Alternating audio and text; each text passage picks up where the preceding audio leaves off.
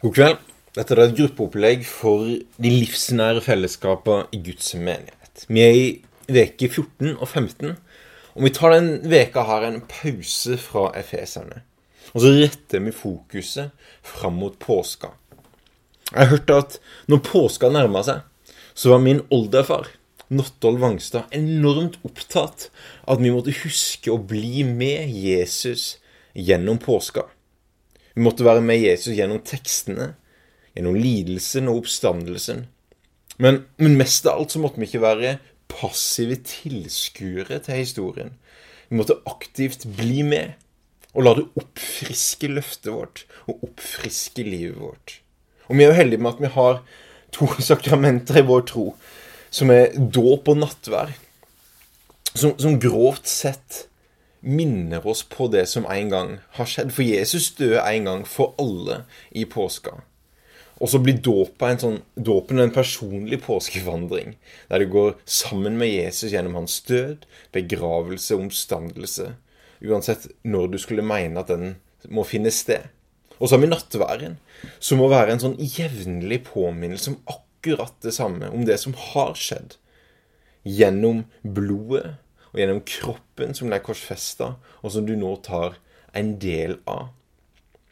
Og jeg vil bare minne meg om, at, om kraften i de sakramenter og i de hendelsene. For husk at Jesus døde en fysisk død.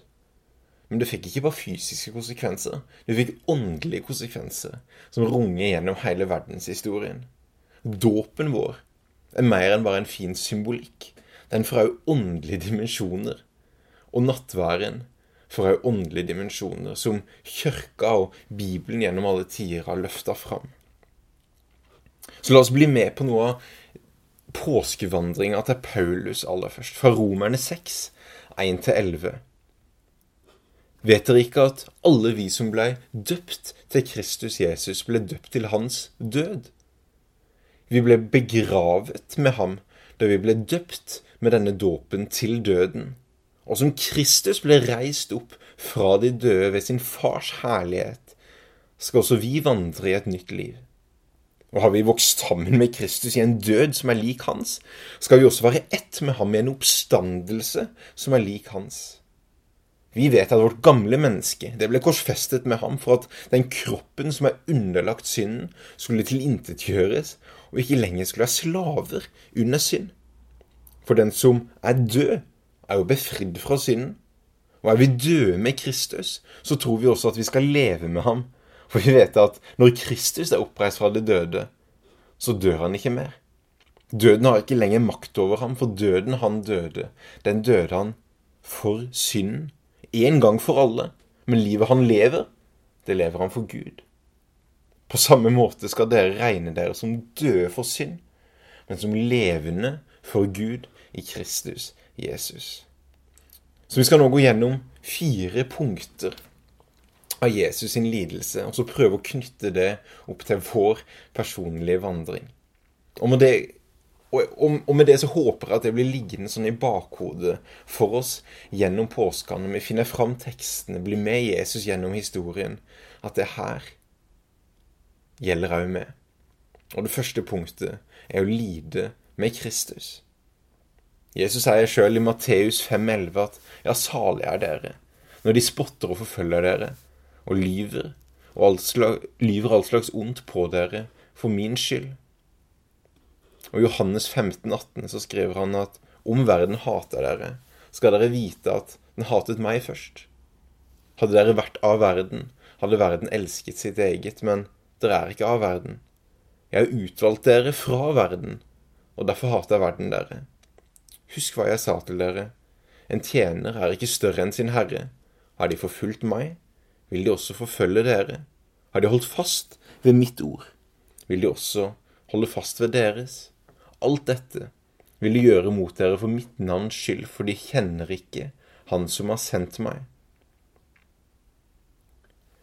De 150 åra kanskje 200-300 åra som har vært en del av kirka i Vesten, er på en måte et slags unntak av resten av verdenshistorien når det kommer til kirka. Hvis vi ser på den globale kirke, så er fellesnevneren at det er en lidende kirke. En lidende kirke som samtidig, som første Peter sier, derfor skal dere juble av glede, selv om dere nå en liten stund, om det så skal være, har sorg i mange slags prøvelser, på grunn av vi er bare pilegrimer. Vi vandrer på jorda en stund, men vårt endelige mål er i himmelen. Og vi er aldri kalt til å bare være himmelvendt. Vi er jo kalt til å være jordnære.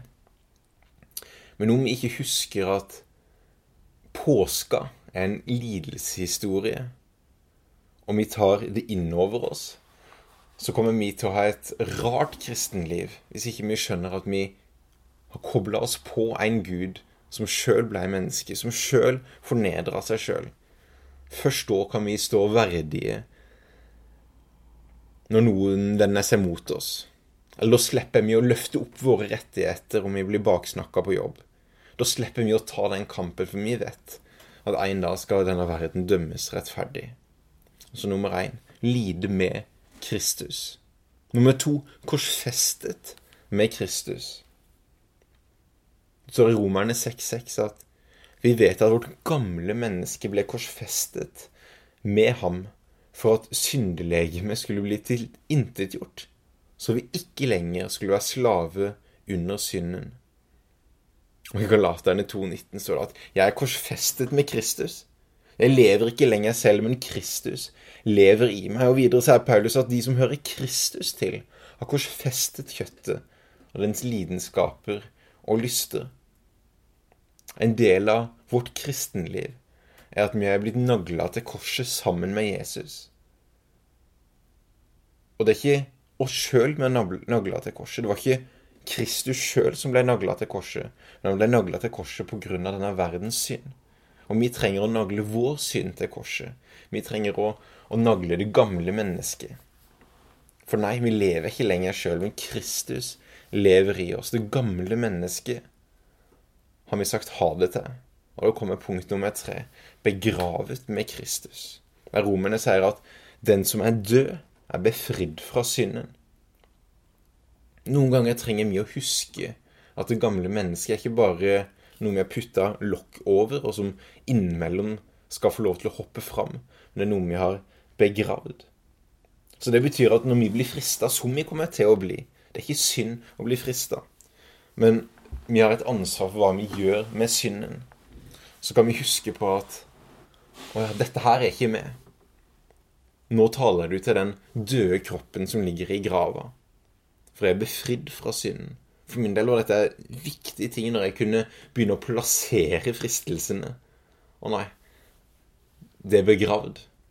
I dåpen så ble jeg begravd med Kristus og gjenoppsto med Kristus. For den som er død, er befridd fra synd. Det er først når du regner deg som død for synden, når du begynner å tenke at dette er ikke en del av mitt nye menneske lenger. At du kan greie å gå fri. Så lenge du tenker at dette er bare noe jeg må leve med, dette er en del av min natur, så har du ikke ennå dødd for synden, og da vil synden herske i livet ditt. Så vi trenger å bli begravd med Kristus. Og så nummer fire oppreist med Kristus. Selve kjernen i kristen tro. Er dere da oppreist med Kristus, og søk da det som er der oppe, står det i Kolosserne 3.1. Og i Filipperne 3.10 står det Jesus selv bor i oss med kraften av sin oppstandelse. Grunnen til at du har en evighet i vente, er at oppstandelseskraften har satt deg fri fra det syndige mennesket og gitt deg et nytt liv. Du har bytta borgerrett, så du er ikke borger av denne verden lenger, men du er borger av det nye riket. Og når Paulus sjøl i Filipperne 3.10-11 oppsummerer påska, så er det ikke som en tilskuer, men det er som en aktiv deltaker. Han sier at så da kjenner jeg ham og kraften av hans oppstandelse. Jeg får del i hans lidelse når jeg blir lik han, når jeg dør som han. Og måtte jeg bare nå fram til oppstandelsen fra de døde. Han tar altså, altså med gjennom de her tre delene som påska var for Jesus, og som påska skal minne oss på, som jeg har del i, å lide med Kristus. Være villig til lidelse på grunn av det er et større håp som venter oss. Og så er vi villige til å bli korsfesta med Kristus. Våre rettigheter, vår synd som vi kanskje ønsker å holde fast på. Vi korsfester det til Kristus. Og så har vi en død som kan være vond, som kan være smertefull. For noen så det, handler det om å, å, miste noen de er glad i, pga. de ikke ville ha noe med de å gjøre lenger pga. de ble kristne. For noen handler det om å gi opp noen ting i livet. Men alle ting som dør, inni det så er det et såkorn av liv. Og når vi da lar oss være begravd lenge nok, så at vi husker at ja, de gamle mennesker, det er dødd, og det er befridd fra synd, så er det noe nytt som spirer fram. Det er en oppstandelse som er i Kristus. Så er dere oppreist med Kristus og søkt da det som er der oppe. Jeg håper at de her tre punktene kan, kan være en bagasje vi kan ta med oss inn i påska og inn i Jesus sin lidelseshistorie, men mest av alt sin suksesshistorie. For korset var ikke et nederlag, det var en suksess. Begravelsen var ikke et nederlag. Der vant han over synden. Og så ble vi oppreist med Kristus.